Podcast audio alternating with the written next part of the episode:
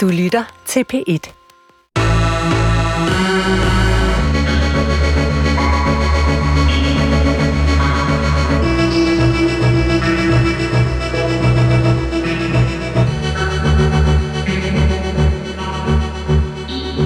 Velkommen til Hemmeligheder. Mit navn er Sanne Sigal Benoyal, og i dag er vi i en helt anden udgave, end vi plejer at være. Det er nemlig en særudgave, hvor vi skal tale om noget, som jeg efterspurgt meget længe. Forældrehemmeligheder. Forældreskabet har aldrig været flittigere debatteret. Vi bryder tabuer i aviser, og vi bryder sammen på sociale medier, og så filmer vi det, så andre kan spejle sig i det. Altså det komplekse, moderne forældreskab. Men alligevel så får vi simpelthen så mange hemmeligheder om at være nogens forældre. Og jeg har sagt det før, det der med at skubbe et barn ud af sin fødselskanal, kan øh, godt være, eller kan godt føles som at føde en utilstrækkelighed. Og det er sådan, at når vi åbner den her boks, der hedder forældreskabet, så øh, åbner vi øh, mange forskellige små bitte bokse med øh, meget store øh, følelser. Og øh, til at prøve at måske ikke nødvendigvis håndtere nogle af de her følelser, men til at tale om dem på et mere fagligt grundlag, har jeg inviteret psykolog og forfatter til bøger om øh, parforhold og familieliv. Senest øh, bogen Plads til kærligheden. Frej Pral, velkommen til programmet. Tusind tak. Når jeg siger, at hemmeligheder og øh, forældreskab på nogen måder hænger sådan unægteligt sammen, eller sådan, at det er uundgåeligt, hvad tænker du så? Så tænker jeg, at det er fuldstændig rigtigt, og det er også mit eget indtryk, at det er på den måde. Og det tror jeg, der er rigtig mange gode grunde til, at det er sådan. Altså vi, rigtig mange af de forældre, jeg også møder øh, i min egen praksis som psykolog, men også i mit eget forældreskab, vil jeg sige. Altså, de, øh, de kæmper med ikke at slå til, de kæmper med ikke at gøre det, de føler er rigtigt og godt for deres børn. Og det er jo på en måde tabubelagt, at man ikke altid gør det så godt, som man gerne vil, eller har nogle følelser over for sine børn, som man ikke er særlig stolt af, især når hvis man spejler sig på de sociale medier, eller hvor det kunne være, hvor det ser ud som om de fleste de er super lykkelige for deres børn, og det hele det bare kører derud af. Ikke? Og så bliver det til hemmeligheder. Og så bliver det selvfølgelig til hemmeligheder, fordi du går og tænker, at altså, sådan burde jeg jo ikke have det. Altså, jeg burde jo være lykkelig i det det burde jo fungere, men det gør det åbenbart ikke. Og det, det kan være svært at stå ved sådan nogle følelser, fordi man kan komme til at føle sig selvfølgelig enormt forkert, når man spejder sig imod det generelle billede. Jeg startede med at sige, at vi har fået en masse hemmeligheder ind, og det gør vi faktisk hele året rundt, og mange af dem er forældrehemmeligheder. Øh, nu har jeg så efterspurgt dem sådan mere specifikt, og jeg tror, jeg havde tænkt, at det ville være sådan lidt i øst og vest. Altså, normalt, når vi får hemmeligheder, så kan det være, øh, jeg har smuglet en papegøje ind i Danmark, øh, til jeg vasker ikke mine fingre, mm. øh, når jeg har været på toilettet. Øh, men her der er der sådan tegnet sig sådan et ret overordnet mønster. Altså, mange af hemmelighederne er formuleret vidt forskelligt. Vi er vidt forskellige mennesker. De dækker over meget af det samme. Og det er også, som du siger, netop den her utilstrækkelighed, at vi ikke føler, at vi kan give vores børn det, vi havde håbet på. Og jeg tænker, at jeg måske bare vil læse nogle af hemmelighederne op, og så kan vi, så kan vi snakke om dem, som vi, som, som vi synes, vi kan, som vi kan sige noget fornuftigt om. Ja. Øh, og et tema er øh, helt klart, egentlig ud fra den her vending, som er blevet sådan en vending, jeg har hørt rigtig meget, øh, både før jeg fik børn og efter have fået børn. Man fortryder aldrig de børn, man fik, er sådan noget, man tit siger. Mm. Og der vil jeg bare lige i forlængelse af den vending måske netop læse nogle af de her hemmeligheder op. Jeg vil ønske, at jeg ikke havde fået børn, selvom jeg elsker dem overalt og ikke kunne leve uden dem. Nok primært på grund af min mand, der overlader alt ansvaret til mig, så jeg ødelægges af stress. Det var en hemmelighed. Der er en hemmelighed, der også lyder sådan her. Seks år inde i forældreskabet ville jeg stadig ønske, at jeg ikke havde valgt det. Og øh, ja, Øh, jeg ville ønske, at jeg ikke havde fået børn. Jeg elsker mine børn, men jeg elsker ikke livet som mor. Mm. Altså, det er jo varianter over samme tema, kan du sige. Ja. Temaet om, at der er bare nogle ting, vi ikke siger. Og det er, at du siger ikke, jeg har fortrudt at have fået børn. Mm. Vi, starter, vi starter hårdt ud, ikke? Jo, det gør vi. Skal jeg kommentere på det? Meget gerne. Ja, godt. Altså, øh, ja, altså, der er jo blevet talt mere og mere, som du også var inde på i en indledning, også om de her sådan lidt mørkere følelser, man kan have knyttet ind i for eksempel moderskabet eller forældreskabet, som sådan. Og jeg tror, det er en virkelig vigtig øh, bevægelse, at vi begynder at turde sige nogle af de her følelser højt. For eksempel, at man simpelthen ikke har, at man er fortrudt, at man er blevet forældre, eller at man har bare lyst til at kylde sine børn ud af vinduet. Man gør det selvfølgelig ikke, men man mærker impulsen til at gøre det, ikke? Fordi jeg mærker faktisk selv, når man kan sige de her mørke følelser højt, og det er derfor, det her program er så fantastisk i min øh, forståelse, så sker der jo noget med det samme. Altså, der sker det, at de lige pludselig ikke føles så stærke, som de måske gjorde før. Og øh, der er jo det med tabuer, altså jo mere vi ligesom undertrykker noget og gemmer det væk og ikke forholder os til det, jo mere vokser det bare i mørket. Og det er min klare erfaring som øh, psykolog og terapeut, at det er på den måde. Så det her med bare at turde at sige det, altså sådan her jeg har det, jeg har simpelthen bare lyst til at kylde dem ud af vinduet, eller hvad det nu er, ikke? det ligger simpelthen øh, inden i mig. Det gør, at den bliver mindre farlig, den der følelse. Og det andet, der jo så er med det, det er, at når man begynder at kunne sige dem højt, øh, her og høre andre, der har lignende tanker, så kommer man også ud af den her helt forfærdelige ensomhed, mange har omkring de her følelser. Man tænker, at den eneste i verden, der har det på den her måde. Og det er jo lidt sjovt, jeg fik tænkt lidt over den her rolle. Nu har jeg ikke været med i det her program tidligere, men det her med at skulle sidde her og, og, og lytte til det, altså jeg fik sådan en fornemmelse af sådan en skriftestol på en eller anden måde. At det var sådan en, nu sidder jeg her som psykolog, i gamle dage var det så præsten, ikke? Man, man, man sad overfor, øh, og man heller ikke kunne se, ikke? Og, og fortalte nogle tabuiserede hemmeligheder, måske højt noget, man fortrød. Og der, der var funktionen jo også, en, at man søgte en form for tilgivelse. Altså i, i, i det, man havde gjort. Og jeg tror, og det er noget, jeg er meget optaget af, det her med tilgivelse, fordi vi har jo ikke de her religiøse instanser længere. Men vi kan på en måde, vi kan, vi kan formulere nogle perspektiver måske, som kan gøre, at folk kan få en anden overbærenhed. Og det er jo også en form for tilgivelse med, med de tanker og de forestillinger, de nogle gange har. Så, så det at få lyst til, det er jo på en måde netop at, at sende noget overbærenhed, skulle jeg sige, i retning af de her mennesker, der har alle de her tanker og forestillinger. Og fordi det, tænk, det er noget af det, jeg oplever, især de folk, der kommer hos mig, har allermest brug for. Altså, vi er så tynget af skyld i dag. Skyld over at have sådan nogle tanker, og skyld over ikke at gøre det godt nok. Skyld over ikke at leve op til 117 forestillinger om, hvordan vi burde gøre det ene og det andet. Og det kunne jeg snakke i rigtig lang tid om, den der skyld, og hvorfor den er så uendelig tung at bære, altså for moderne mennesker. Det handler nok blandt andet om det her med religion. Apropos, nu sidder jeg jo ikke som præsten, men som psykolog, men vi har ikke længere en højere instans, vi kan sige, hjælp mig med at bære det her. Altså min svigermor, hun er super troende, og hun kan sige nogle gange, jeg lægger det over til Jesus. Og jeg er bare sådan, wow.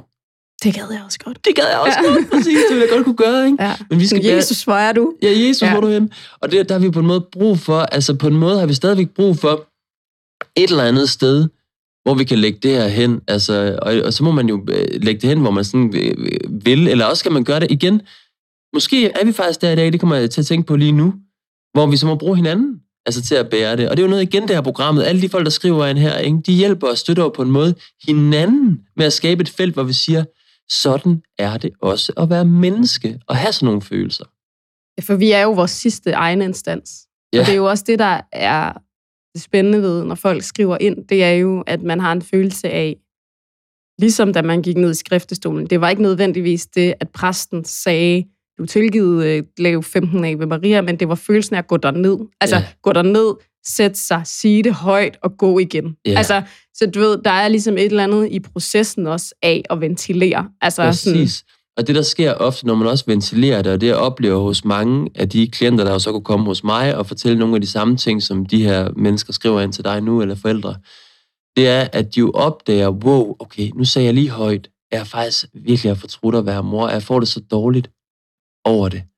I samme øjeblik finder de jo ud af, jamen det er jo kun en del af mig, der har det på den måde. Det er ikke hele mig. En del af mig, måske en stor del af mig, fortryder det her. Men grunden til, at jeg overhovedet kan tænke den tanke og har nogle følelser omkring det, det er jo, fordi der også eksisterer en anden del. Så nogle af de her møder jo også skriver ind, eller hvem det nu er. Øhm, og det er jo en del, der faktisk godt kan lide at være øh, forældre, som faktisk elsker de der børn. Ikke? Og det tror jeg er meget vigtigt at huske på, at, de der forske- at det ikke bare er mig, der ikke vil have mine børn. Altså, jeg har jo en kone nu, der er jo gået hjemme i ni øh, år eller sådan noget, ikke? med vores børn, og elsker det. Men når hun hører nogle af de der hemmeligheder, ikke? hun kan spejle sig totalt i det. Ikke? Så hun kender jo også alle de der mørke sider i moderskabet. Så jeg tror, det, og det er jo det samme, når jeg har klienter inde, der udad til virker super ressourcestærke, ikke? og de kører bare på Instagram, men du overhovedet ikke kunne se, hvordan det er, så har de så mange modsatrettede følelser øh, imod deres egne børn også. Så det er bare vigtigt at sige, at vi er mange dele. Ikke? Vi er både den del, der synes, det er fedt og dejligt at være forældre, så er vi også nogle gange en del, der bare har lyst til netop at blive fri fra dem, ikke? og bare få os selv tilbage igen, altså for dem, vi var, før vi Og blev det er jo også det, den ene af de her hemmeligheder siger. Altså det der med sådan, jeg elsker at være nogens mor, men jeg elsker bare ikke livet som mor. Og det Nej. er, jo, altså, det er jo også det, du siger. Altså det er, øh, det er fordi, det er mange ting. Altså Ja. og måske er der også en fastlåst følelse af, det er kun sådan her, jeg har det. Jeg er kun i den dårlige. Og det er også fordi, man kan også komme ind i et dårligt mønster. Det tror jeg, alle kender. Ja.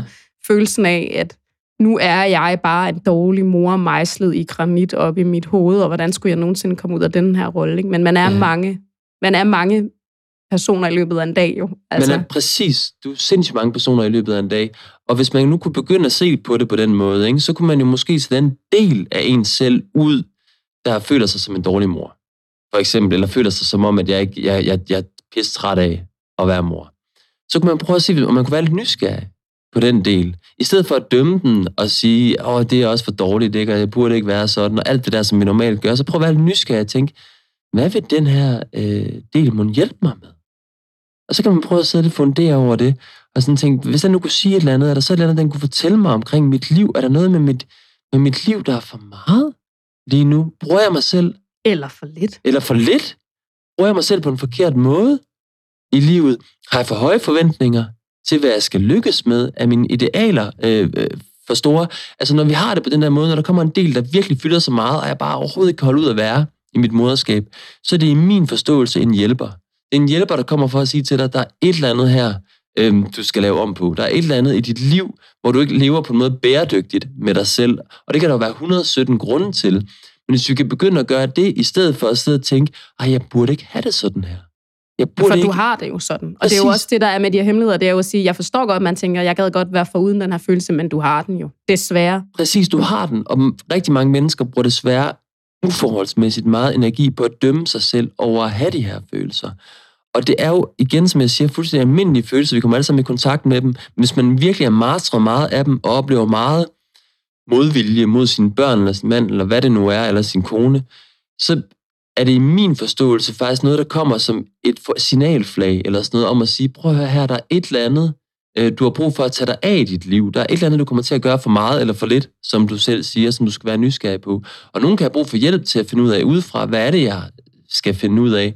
Og andre kan bare sidde med sig selv. Lige nu kan man jo sidde bare sådan og tænke lidt over sit liv, og tænke, gør jeg egentlig de ting, som gør mig glad, eller gør jeg de ting, andre forventer, at jeg skal gøre altså i livet? Og hvad er det, jeg frygter, der sker, hvis jeg gør mere af det, der gør mig glad? Eller forstår du, hvad jeg mener? Altså, de der spørgsmål, begynder at stille sig selv dem, fordi det, der desværre sker, det er, når man kommer ind i de her spiraler, og det oplever jeg så tit med forældre, det er, at de begynder at øh, være trætte af, af forældreskabet. De kan ikke lide det, de kan ikke blive irriteret på deres børn. Det mærker børnene også. Børnene begynder at opføre sig øh, øh, dårligt, kunne man i situationstegn, ikke? fordi de mærker den der modvilje fra mor eller far. Man bliver mere og mere irriteret på børnene over, de opfører Og sig. man er jo også bare træt. Man er grundtræt. Præcis. Man, man har ikke energien til at vende energien, hvad jeg vil Du har ikke energien til at vende energien, og så bliver du hele tiden bekræftet i relationen, også med børnene, om, hold kæft, mand, det her det er jo mega slidsomt. Det er jo bare slid på slid. Jeg får ingenting igen. Og hvis du går ind og mærker lidt dybt ind i den der følelse, og prøver at undersøge, hvor den positive intention henne i den her, hvad skal man sige, del, der føler sig træt og irriteret, og ikke føler, at jeg- jeg får noget, så vil de fleste finde ud af, gud, jeg længes. Altså, jeg længes efter at føle, at jeg faktisk også har værdi. Jeg længes efter at mærke, at jeg faktisk får noget igen, at det faktisk betyder noget. Det jeg gør, for i relationen med mine børn og min partner, der føles bare som et sort hul, jeg bare putter ned i. Jeg får ikke noget tilbage. Jeg kan ikke se altså, frugten af mine anstrengelser. Jeg kan ikke mærke den. Og så det er jo klart, at det bliver noget lort, ikke? og så bliver jeg mere grundsur, og så får jeg mindre fra mine omgivelser, og så kommer de der negative spiraler. Og hvis man kan begynde at opdage det, så kan man faktisk komme frem til et ret positivt sted, hvor man kan mærke, at jeg fortjener det også at være i nogle sammenhænge, hvor jeg kan mærke, at det, jeg kommer ind med, det bærer frugt, og jeg får noget tilbage igen, øh, altså med det, jeg giver. Og så kan man begynde at blive nysgerrig på, måske, altså, hvor er det egentlig, jeg føler, jeg har værdi henne? Altså, hvilke sammenhæng er det? Skulle jeg måske, er det, er det det der arbejde, jeg hellere vil være lidt mere på, end at være så meget sammen med de der børn, jeg tror, jeg skal være så meget sammen med, for ellers så lider de skade af, hvis jeg ikke er sammen med dem, eller, altså, fordi de har den der far, som der var en, øh, der skrev om, ikke, som ikke vil være der, hvis jeg nu engang ikke er der, ikke? og så offrer jeg mig selv igen og igen for de der børn. Og måske er det i virkeligheden ikke i børnenes interesse, fordi min helt klare overbevisning, det er, at børn har først og fremmest brug for forældre, som trives. Det er de sindssygt. Børn føler på en eller anden måde ubevidst et ansvar for, at deres forældre de skal have det godt. Så de har ikke brug for, at vi på den måde offrer vores egen glæde for deres skyld. Og der bliver det sindssygt vigtigt, at man på en måde kan kigge lidt ind i, okay, så er der noget, jeg ikke gør, som faktisk vil give mig glæde, fordi jeg tænker, det er for mine børns skyld, at jeg er sammen med dem. Og måske spørge sig selv, men kunne det give mening, at jeg så forsøgte at gøre noget af det der, der giver mig mere glæde? Og så kan det godt være, at de skal være sammen med den der far, der så ikke rigtig kan finde ud af at være sammen med dem og sådan noget. Og det er så ærgerligt, at det må være sådan. Men jeg bliver simpelthen nødt til at tage vare på min egen glæde. Så er der ligesom en anden kategori, synes jeg, af hemmeligheder. Og undskyld for at kategorisere jeres hemmeligheder, men de er faktisk ret ens. Men det synes jeg faktisk også er et ret godt tegn. Altså, det er jo netop fordi, at det er universelt. Øhm, og det er spejlingen, som jo er sådan forældreskabets sådan helt øh, store udfordring. Altså, at du enten får et barn, du ikke kan genkende dig selv i, eller du får et barn, der bare spejler dig. Og begge dele, tror jeg, kan være en kæmpe udfordring. Øh, og her har vi i hvert fald nogle eksempler på, netop hvis du får et barn, der virkelig bare sådan sætter et stort fedt spejl over for dig. Mm. Og, og en af hemmelighederne lyder sådan her.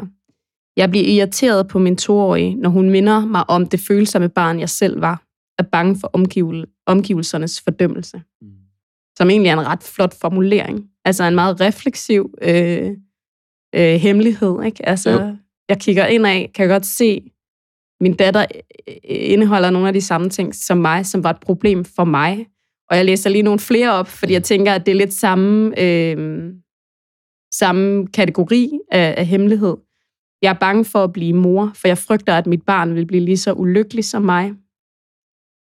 Øh, og jeg elsker ikke min mor, og jeg er bange for, at det smitter og bliver overført til, at min søn ikke elsker mig. Mm. Altså hele det her med, hvad man kunne kalde øh, transgenerationelle overførsler. Ikke? Altså at noget af det, vi selv har oplevet, er noget af det, vi kommer til at bringe videre på godt og på ondt. Altså igen, man kunne sige mange individuelle ting til hver enkelt af dem, ikke? men jeg får bare, der er stadigvæk et, et ord, der bare klinger ind i mig, og det er den der, sådan en, det er to ord faktisk, det er en overbærenhed og tillid.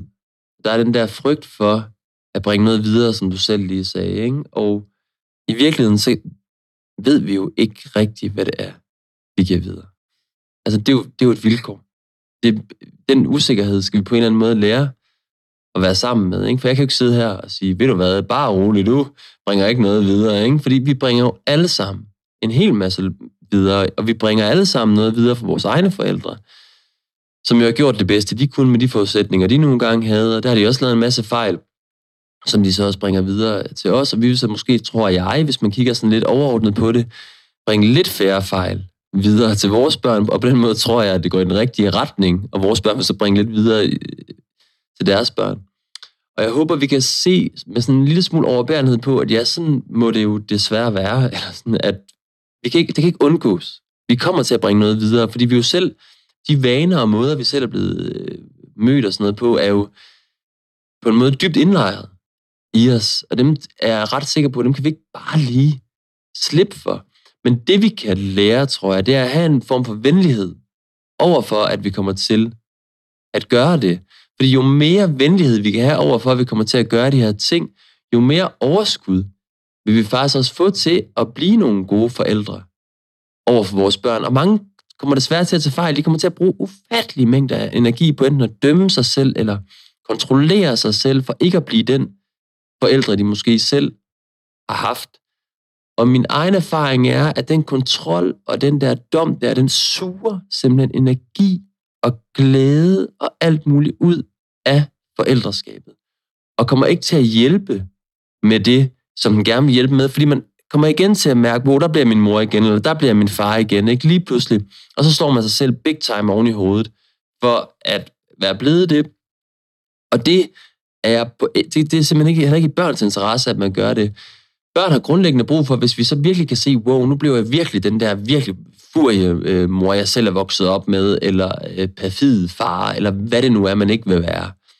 Så det er jo brug for, at man på en måde har overskuddet til bagefter at opdage det, og så på en måde sætte nogle ord på det, hvis man kan det med sine børn og sige, wow, det var ikke så behageligt, det der skete lige der. Eller forstår du, hvad jeg mener?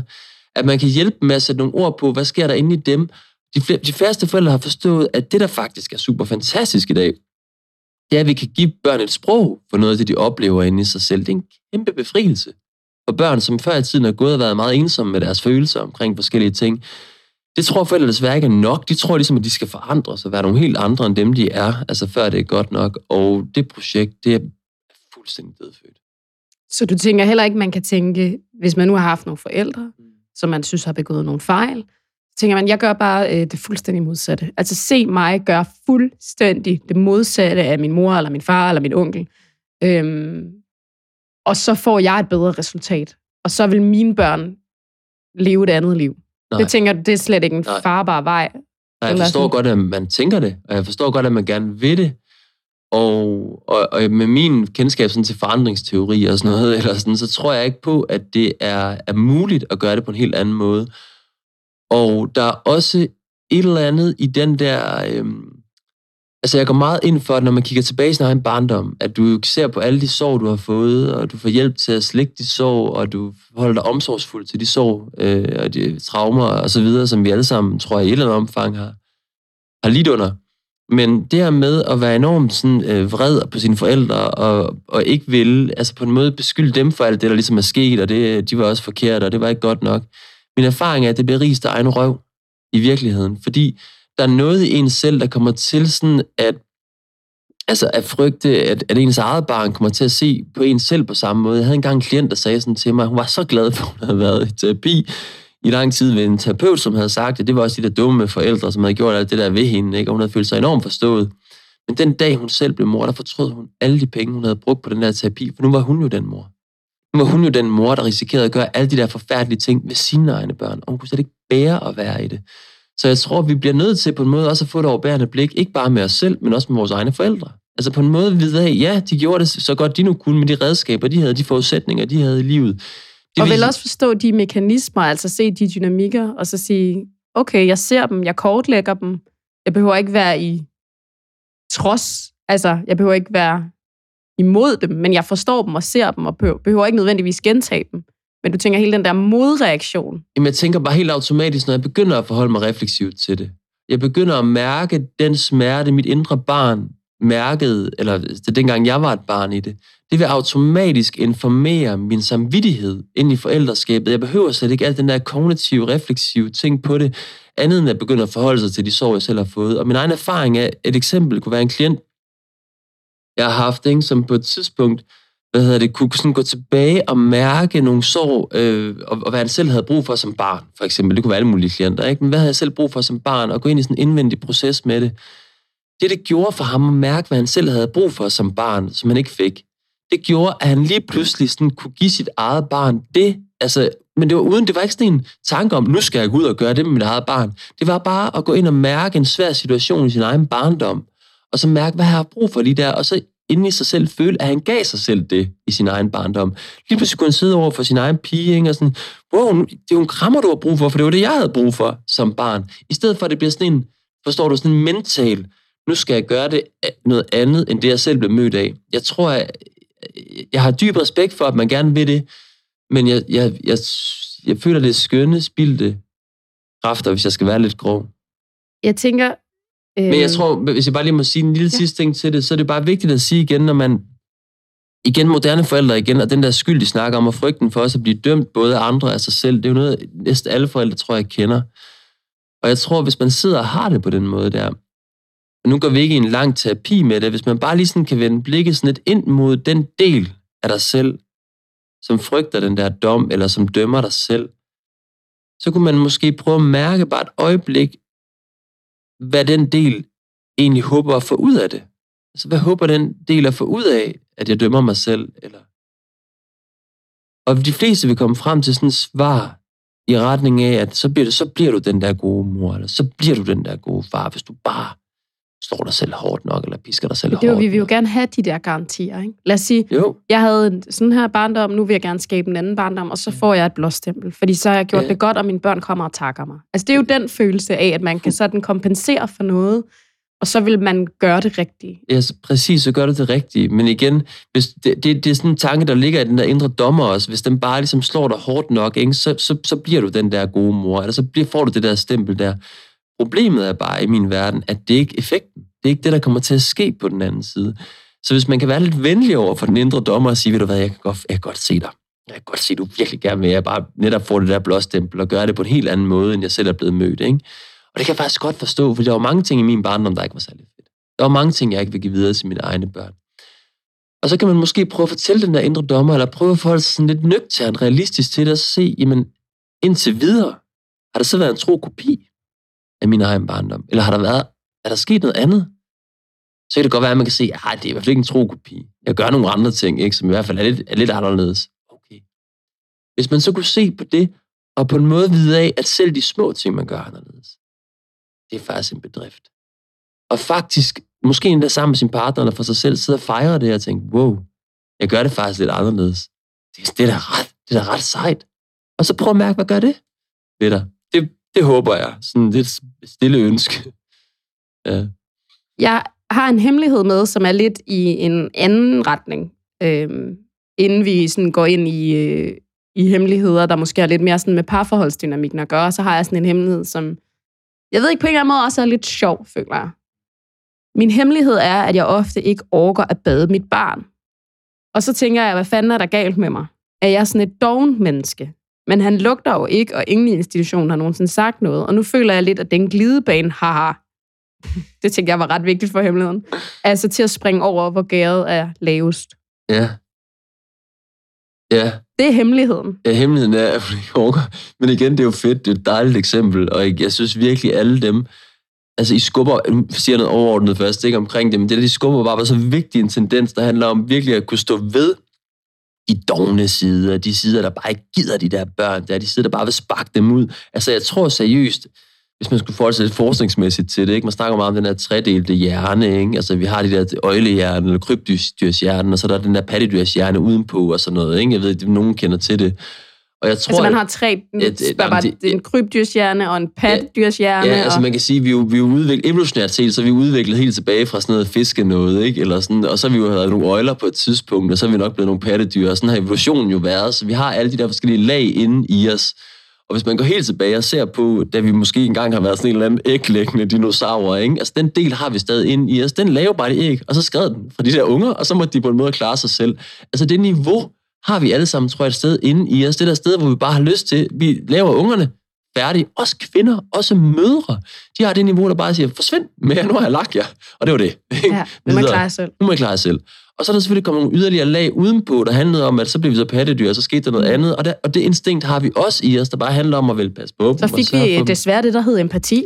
Så fik vi det, der hedder empati, som jo også er en del af det, og som er også det, der gør, at mange har det svært med at have de der gamle følelser, som måske hører reptilhjernen til, men som også er en del af os. Altså forstår du, hvad jeg mener?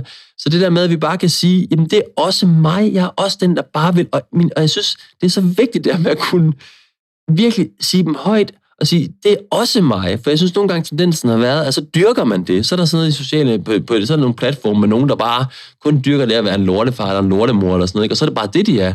Så er der en modsætning, der bare dyrker det. Altså det hele det kører bare glamour, glamour, ikke? og vi har det fantastisk. Hvad med at føre de to ting sammen og sige, vi er det hele. Jeg er både den, der kaster op over det, og bare ønsker de børn af hækkenfæld til, ikke? og den, der ikke kan få nok af dem. Altså det er på en måde, begge dele skal på en måde have lov til at være der. Og jeg tror, at den mor der, når hun på en måde kan få lov til at bare sige, ja, jeg, jeg gider bare ikke bade mit barn. Altså, det, det er sådan, det er. Jeg tænkte faktisk, det var en kæmpe gave og ikke en glidebane. Altså følelsen ja. af, hvis du har knækket koden til at springe over, ja. hvor gæret laves no shame. Fordi du har opdaget, at ingen opdager det der med bad. Nej. Der er ingen, der opdager det. Det er rigtigt. Så det er bare sådan, ja. hallo, hvilken gave. Ja. Altså et eksempel, jeg har der, mit eget eksempel for det, nu er jeg selv gået meget ind, det er jo personligt også for mig det her program, fordi min første anden bog, Vreden i forældreskabet, handlede netop et tabu, der var omkring vrede i forældreskabet, og et tabu, jeg havde brug for at bryde ved at komme frem med min egen vrede i forældreskabet, og hvordan den ligesom kom ud der, der kom der jo rigtig mange mennesker til mig pludselig, fordi endelig er der en, der tør at sige det højt, og så kunne de komme og få hjælp til det også, ikke? fordi de vidste, de ikke bedømte af mig, når de kommer og fortæller om deres vrede i forældreskabet. Øhm, og på den måde har jeg, har jeg virkelig arbejdet med de her tabuer, og selv mærket, hvad skete der med min egen vrede, for eksempel, da jeg på en måde kunne se den i øjnene og sige, at det også var en del af mig. Så pludselig skete der jo det, at den ikke blev så giftig og subtil og perfid og, og dårlig, altså virkelig for mine børn, da jeg turde at have med den at gøre. Og på samme måde, bare for at forlængelse af det, hun siger her, så det her med at kunne anerkende, jamen det er ikke mig, skifter altså lige spor, men det der med badet, jeg kommer til at tænke på, jeg havde sådan et ideal, kan jeg huske, også omkring at skulle lege. Min far var meget legende, da jeg var barn. Han havde børnepsykolog og elskede at lege med os.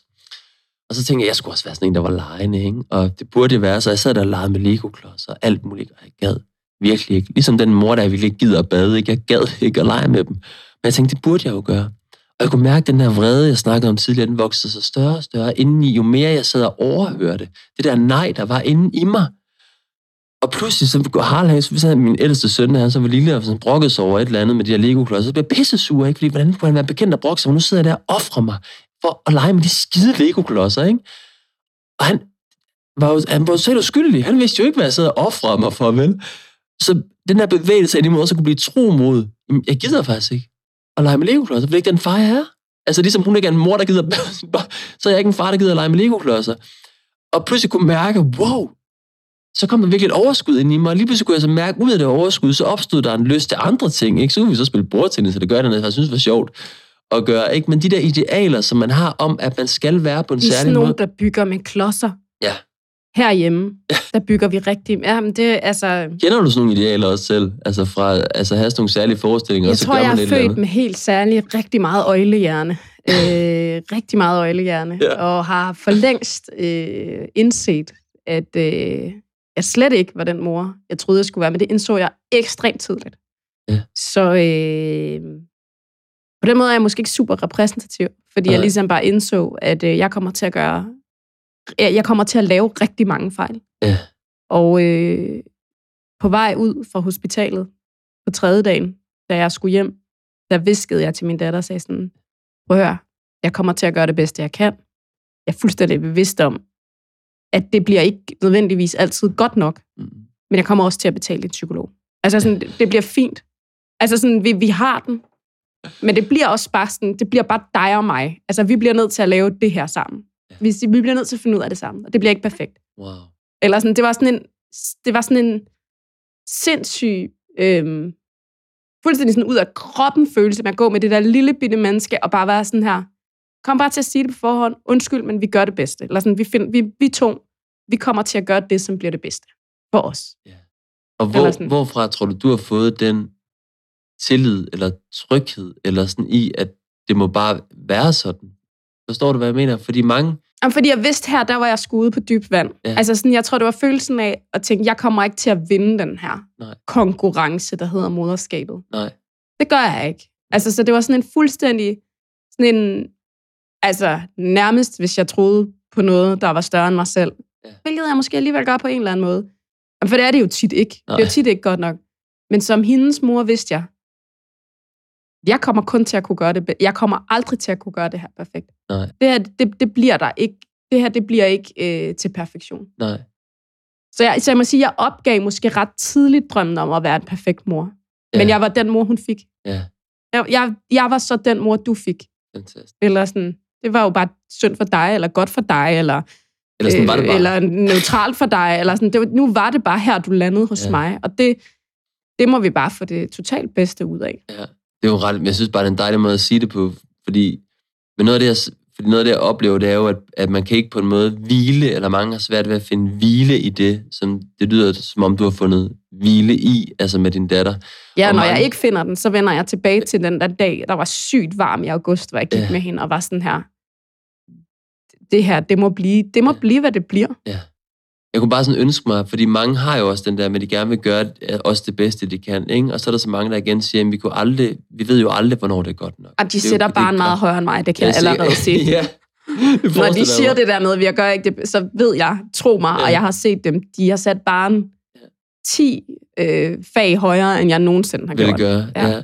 Det er bare, og det er lidt vigtigt, fordi jeg, jeg har hele tiden prøvet at lede efter selv, fordi forældreskabet er blevet så grænseløst, fordi vi ikke har de der hvad skal man sige, resultater at gå efter. Ikke? Altså, er mit barn blevet empatisk nok? Er det blevet selvudviklet nok? Er det landet nok på den rigtige hylde? Vi kan aldrig sådan på de der to streger under. Er det blevet reguleret nok? Med, kan, er det god nok til at være i kontakt med sin egen følelse? Alle de der succeskriterier, vi har. Og så er noget frem til et nyt succeskriterie, som lyder lidt som et, du arbejder hen imod os. Og det er, at det ikke handler så meget om at gøre det altså godt nok i forældreskabet, men mere, altså der hvor jeg kan mærke, at mine anstrengelser i forhold til at være en god nok mor, eller god nok far, eller bedstemor, eller hvad det nu er, man er, de begynder at gå ud over og slide meget på min egen personlige trivsel og glæde. Så er jeg gået for langt. Altså der er på en måde, det, det er blevet min egen, forstår du, hvad jeg mener, sådan en, en form for rettesnor, eller sådan i forhold til, okay, det her, det, det må ikke ske, fordi så begynder mit barn på en måde også at være skyldig i, at jeg mister min egen glæde.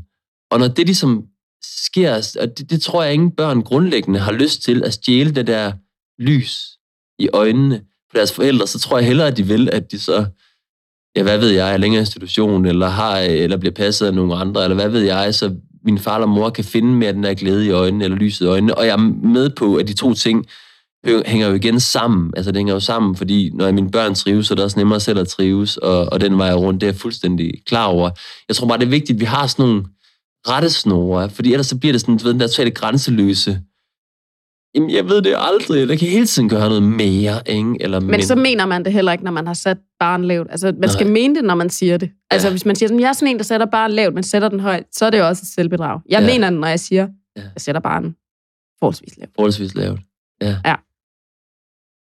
Den sidste kategori er mm. ligesom øh, også inden for dit område, fordi det er jo ligesom er både øh, forældreskabet mm. kombineret med... Øh, for, ja, præcis. Mm. Fordi der er jo altså selvfølgelig alle de her følelser, vi kan have individuelt, men det er jo bare sådan, hvis du har et komplekst...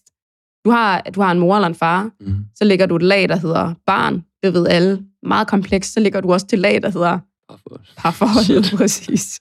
Arbejdsmarkedet oveni realiseres. Og arbejdsmarkedet, ja, oveni. Ja, ja. Venner, familie. Ja. Jamen, det er det. Altså, det, det er, er bare en, ting. det er en ligning. Ja. Og, I øvrigt, øh, bare lige for at en hurtig kommentar til den der ligning der, ikke? så får jeg også lyst til at sige, som vi også har snakket lidt om, at altså en ting er de der idealer, som vi har som forældre selv, om hvordan vi skal være forældre. Altså sådan det der tryk indefra, som måske er sådan voldsomt nok, og de der følelser, vi ikke må være i kontakt med, som vi jo i det her program gerne vil slå slag for godt må være der, ikke? Øhm, noget andet er bare, at rigtig mange jo også virkelig, altså vi lever i et samfund, som på ingen måde tager hensyn til børnefamilier, og som i den grad gør det svært at få tingene til at hænge sammen øh, på en god måde, og som gør det super stressende, altså at være en børnefamilie. Så jeg tror også, jeg har brug for, at man har en, en hvis man ikke kan ændre på de vilkår eller rammer, man er underlagt, at man så også har en overbærenhed øh, med sig selv øh, ind i det.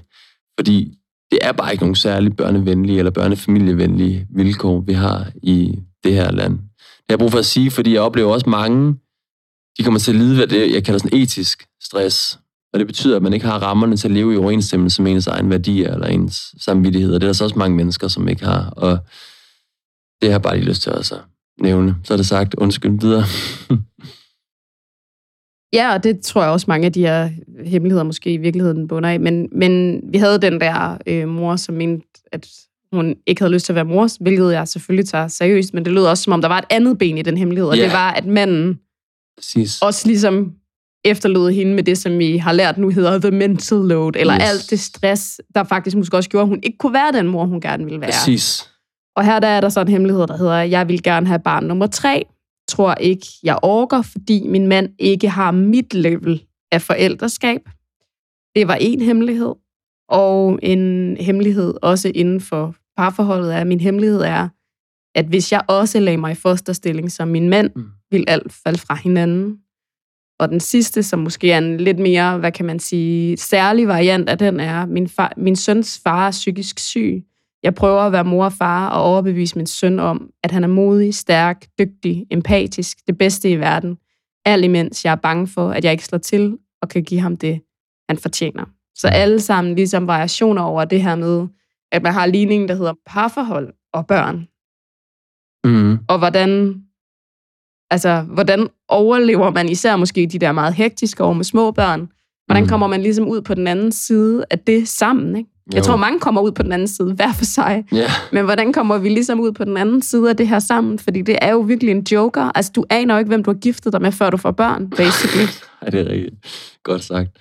Ja, ja det er rigtigt. Altså, der, er- jeg synes, for, for det første, så vil jeg ikke øh, driste mig til at komme med, så man kan godt komme med nogle hurtige, øh, fikse, smarte svar ind i, ind i det her. Ikke? Men de ting, der bliver sagt her, det er jo voldsomme ting. De snakker om en psykisk syg far, en, der ligger i fosterstillinger.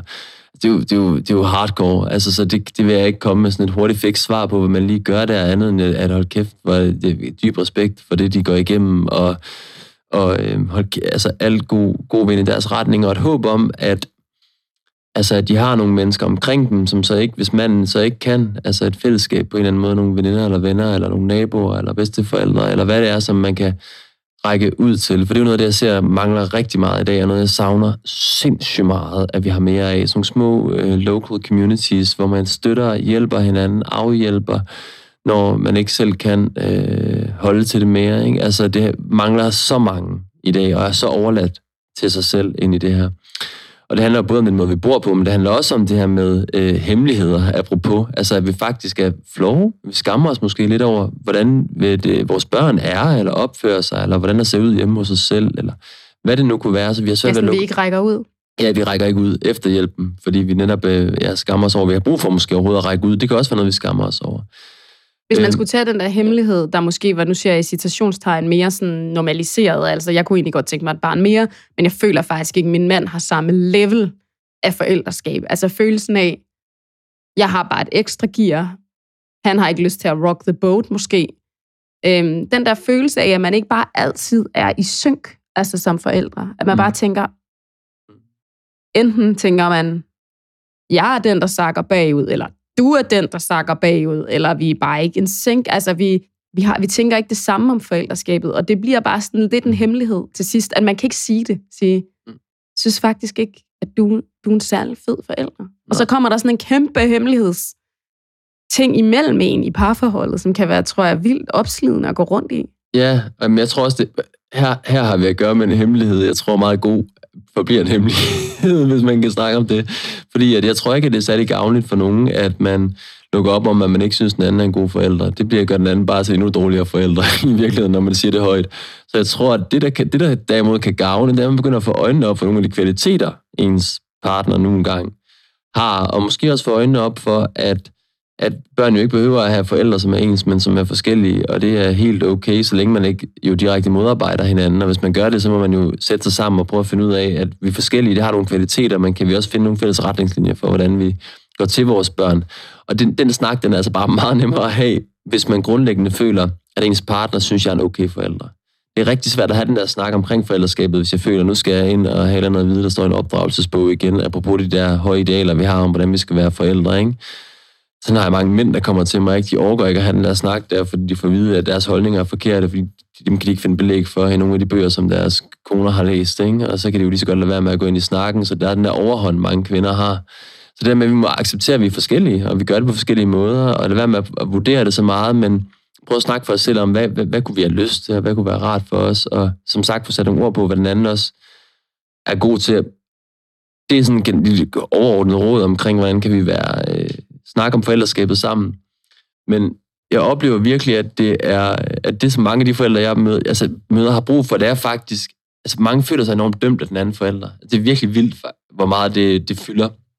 Og især mænd føler sig meget dømt af deres øh, kvinder i ikke at være gode nok, eller tilstrækkelige, eller være for rigide, eller være det ene eller det andet, eller tredje over for børnene.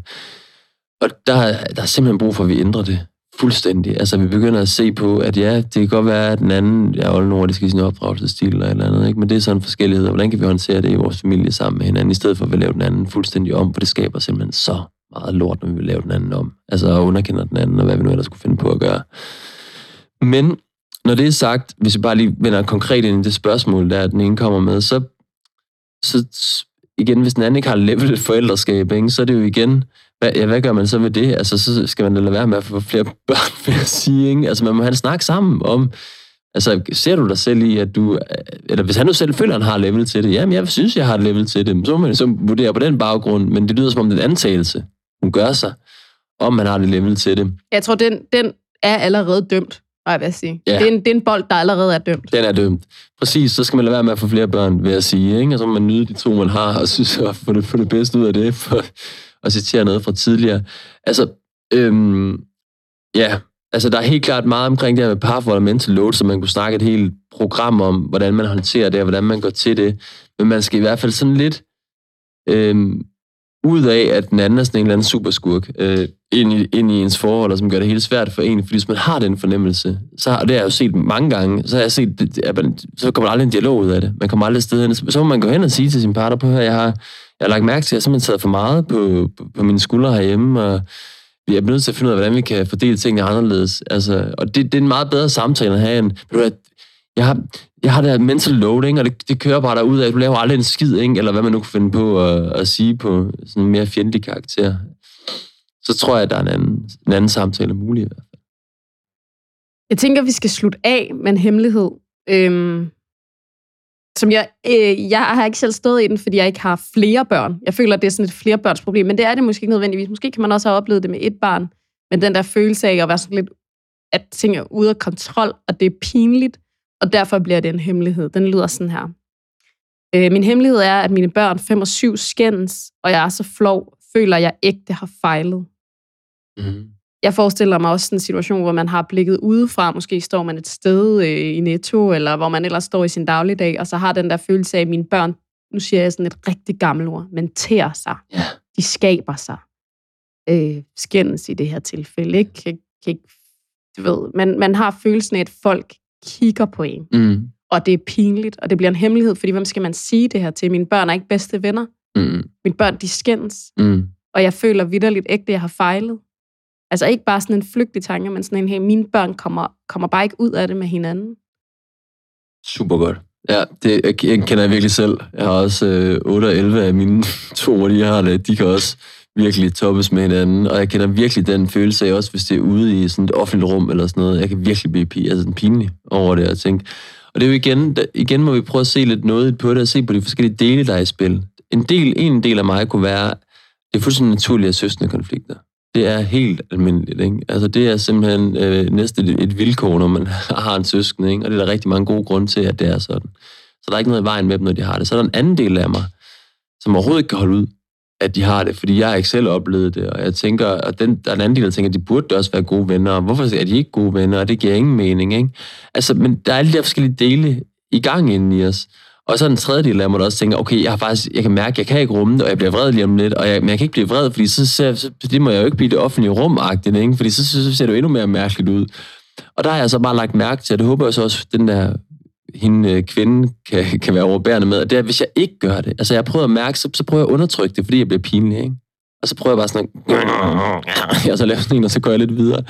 Jeg har lagt mærke til det efterslæb, det har bagefter, hvor jeg simpelthen bare... Der er en del af mig, der bare har lyst til sådan med tavshed eller et eller andet at straffe dem, ikke? Eller jeg har ikke lyst til at lave noget med dem, eller... Fordi jeg stadigvæk går og har den der surhed indeni. Og der har jeg simpelthen fundet ud af, at jeg er nødt til at respektere den øh, vrede, der jo så er der, hvor jeg simpelthen, nu stopper det simpelthen. Det, jeg, jeg, jeg, vil ikke finde mig i det. Altså, det, er, det er alvorligt den i. Jeg, jeg gider ikke have det mere. Og det kan jeg jo sagtens gøre, imens jeg har en del, der hedder, at det kan være naturligt at have søsterkonflikter, og der behøver ikke være noget i vejen med dem, fordi de har det. Jeg kan bare ikke håndtere det. Altså forstår du, hvad jeg mener? Og det er en helt anden... Altså let yourself off the hook. Eller? Ja, præcis, men uden at tænke, fordi ligesom der den går, går af, hvor man tænker, at de burde ikke have søstende konflikter. Fordi der er mange, der tænker, når man tager den tanke ind i sig, at det burde de ikke have, så bliver man på en måde endnu mere forbitret. Forstår du, hvad jeg mener? Over det. Hvis man godt kan leve med, jamen de er jo bare børn, og de har søsterkonflikter, og jeg er bare en far, der ikke øh, kan holde det ud, altså, så, så kan jeg på en måde bedre sige, nu, nu er det simpelthen nok, ikke? Og let myself off the hook, som du siger. Og så kan jeg mærke, så stopper de jo, ikke? Og det kan være, det bliver sådan lidt, men altså, vi kommer meget hurtigere øh, på bølgelængde igen, alle sammen, når vi på noget kan være tro imod, hvordan vi har det, altså, eller hvordan jeg som forælder har det. Man har ikke fejlet. Yes. Ja, fordi det er jo det, altså, ja. hele hendes hemmelighed går på, at hun føler, hun har fejlet. Altså ikke så meget ja. søskende konflikterne. I virkeligheden er det måske en ja. mindre ting, ikke? Altså, at det er, fordi hun føler, hun har fejlet som forælder, fordi de skændes. Ja, præcis. Men det er så, fordi hun har en forestilling om, at hvis hun havde gjort det rigtigt som forældre, så havde de ikke nogen søsterkonflikter med hinanden. Men det, men det mener jeg er en fejlslutning, fordi du, du kan sagtens... Altså, søsterkonflikter er fuldstændig naturlige, også selvom man, hvad hedder det... Altså, også når man har gjort det helt fantastisk som, som forældre. Det er ikke noget tegn på, at man har gjort det, gjort det dårligt. Altså man kan selvfølgelig, igen, så tror jeg, vi skal passe på, at det er alt eller intet, eller sort eller hvidt, så har jeg fejlet, så har jeg ikke fejlet. Fordi selvfølgelig kan man gøre sig en masse fine overvejelser. Man kan tænke over, at man kan vide, om det er fordi, jeg har forfordelt den ene af dem frem for den anden, og så den ene føler sig uretfærdigt behandlet, og derfor har jeg lyst til at tryne, du ved, lille søster, eller hvad det nu er. Så det kan selvfølgelig, at der kan være jalousi og alle mulige ting på spil, og man kan gøre nogle ting ved det fremadrettet. Men det der med at gå tilbage, og så er vi tilbage i den der skyldsting, ikke? At så, der er et eller andet, jeg har gjort forkert, og det er også mig, der er en dårlig mor eller far og sådan noget. Det er meget lidt gavnligt for både dine børn og for dig selv. Og på den note tænker jeg, at jeg vil slutte af med at spørge dig, kan du gætte, hvilken hemmelighed, der gik flest gange igen? Hvilken hemmelighed, der gik flest gange igen? Vi har ikke talt om den, men hvilken hemmelighed tror du, folk ofte skrev? Øhm, ja, det er, et, det er et godt spørgsmål. Er det sådan noget med at have råbt af sine børn, eller er det noget med ikke at føle sig god nok, noget tilstrækkeligt? Nej, jeg, Nej, jeg tror, det er virkelig tabubelagt. Hemmeligheden, der går mest igen, Ikke er... at holde af sine børn? Nej. Nej, jeg elsker mit ene barn mere end det andet barn. Nå, selvfølgelig. Ja, ja, det forstår jeg godt. Det er virkelig, virkelig smertefuldt. Ja, det kan man ikke sige højt. Nej, jeg elsker det, men det tror jeg også, fordi det ikke... Men dem, der siger det, det er jo igen fordi, at det ikke er helt rigtigt. Altså, nu er jeg sådan lidt fræk, ikke? Men det er jo, det er jo fordi, der er et barn, der ligner en selv måske lidt, lidt mere, eller sådan noget. Man kan nemmere spejle sig. Jeg har også et barn, jeg kan spejle mig mere i end det andet barn. Man kan sige, der er måske et barn, hvor, man, hvor, hvor kærligheden flyder mere frit for tiden. Sådan vil jeg sige det. Og så er der nogle ting, der står i vejen for, at kærligheden kan flyde så frit med det andet eller det tredje barn, man har. Og, øhm, og, og det er helt naturligt, at det er sådan, og det kan jo ændre sig øh, efter nogle år. Lige pludselig, så, så har man en anden relation til det barn, som man havde svært ved tidligere. Man har jo det der smertens barn udtryk også, ikke? Altså, og, men bare det der med, at man tør at sige det højt igen. Ja, men jeg har et, kærligheden den flyder sgu lidt nemmere til det ene barn, det gør til andre. Ham har jeg altså lidt svært ved. Jeg har nogle udfordringer med ham, ikke? Så der har, vi kommer lidt mere på tværs af hinanden. Og igen, der kommer ofte nogle negative spiraler ind i det, for når jeg så er svært ved det, så kommer der også endnu mindre kærlighed tilbage til mig igen, og så får vi sådan nogle negative spiraler. Men bare det, man kan sige det højt, få det sådan lidt afmonteret, altså ikke til børnene selvfølgelig, men, men til sin partner, eller hvem det nu er, ikke? uden at blive dømt for det. Uden at føle, altså man føler, det er okay at have det på den der uden måde. Uden at man føler, at man kommer med sådan en kæmpe atombombe, som man ligger altså på, på bordet, hvor man har aftalt, at man skal snakke. Præcis. Og så siger man det her, og så springer den. Yes. Den følelse. Exactly. Jamen det der med, at vi kan præsentere svære følelser og tabubelagte følelser ude i det åbne.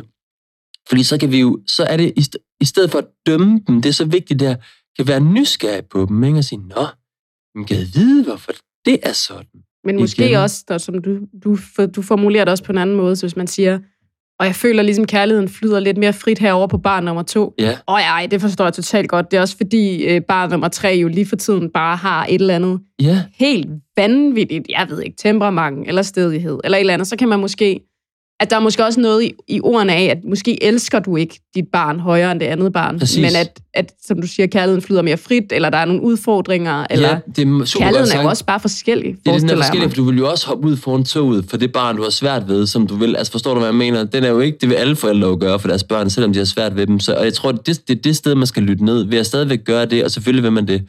Og der tror jeg bare, eller igen, hvis man så ikke vil det, så er det også okay. Bare for ikke at lave et nyt ideal, hvor man skal gøre noget tabubelagt. Men men det der med, at man kan, man kan servere det og sige, prøv at kærligheden flyder lidt mere frit. Kan du, kan du hjælpe mig måske bare med, hvad, hvad der mun? Hvad gør hvad, du ved barn nummer tre, præcis, når den ikke flyder helt lige så let? Præcis, hvad gør du?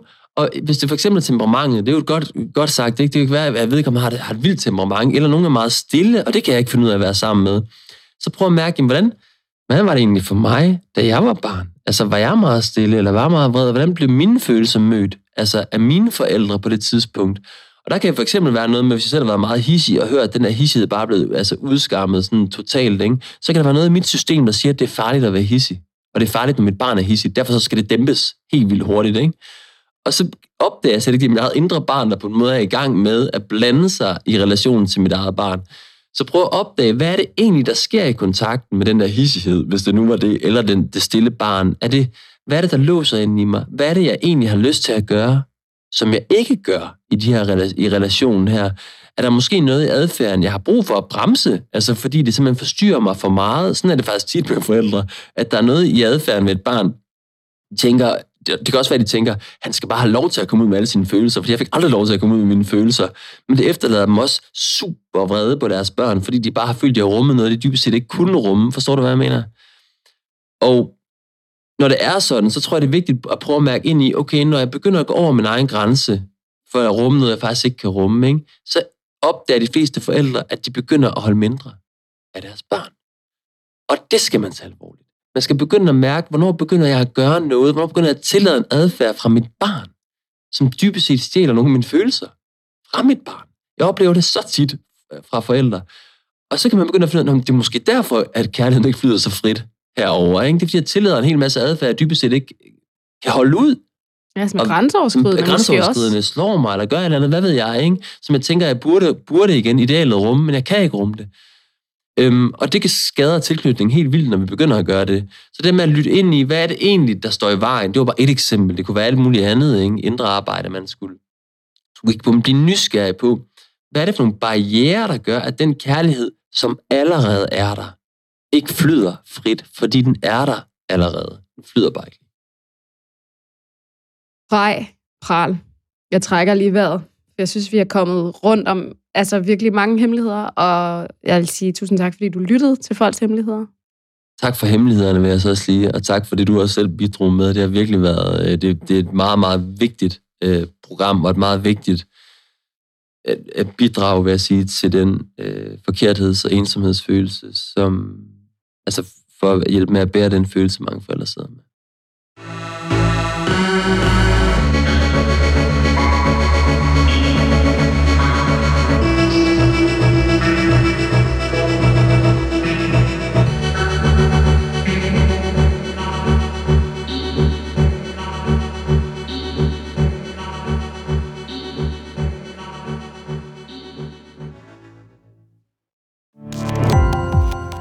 Gå på opdagelse i alle DR's podcast og radioprogrammer. I appen DR Lyd.